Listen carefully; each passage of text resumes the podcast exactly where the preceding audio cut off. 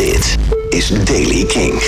Nieuws over The Killers, Massive Attack, My Chemical Romance en Green Day. Dit is de Daily King van dinsdag 31 december.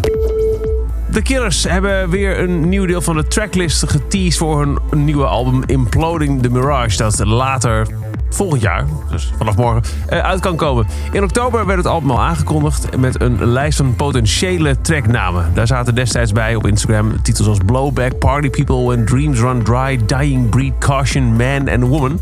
En nu is er een update gekomen. De Killers hebben opnieuw op Instagram een lijst namen gedeeld met uh, de hoofden A-list, B-list en C-list. Maar je ziet onder de B-list alleen maar Man and Woman enough staan. Er is niks zichtbaar onder C-list. Bij de E-list staan eerder gedeelde titels als Blowback, Caution en Dying Breed. Maar ook nieuwe titels als My God en Fire in Bone. Wanneer Imploding the Mirage precies uitkomt, dat is nog even gissen. Massive Attack had al eerder aangekondigd dat ze ook druk bezig zijn met een onderzoek naar zo ecologisch mogelijk verantwoord toeren. Zo ecologisch verantwoord mogelijk. Dat was de juiste volgorde. En nu is een van de uitkomsten ervan bekend. Voor komende tournees door Europa gaan ze reizen per trein. Zo hebben ze bekendgemaakt in een interview op BBC Radio 4. Volgens Consequence of Sound gaat My Chemical Romance optreden op Coachella in 2020. Het zou het volgende optreden zijn in de steeds langer wordende reeks van reunieconcerten van de legendarische band. Naast My Chemical Romance beweert Consequence of Sound dat ook Rage Against the Machine, Frank Ocean en Travis Scott zullen optreden tijdens Coachella 2020. En Billy Joe Armstrong heeft meer verteld over het nieuwe Green Day album Father of All Motherfuckers, dat volgend jaar uitkomt.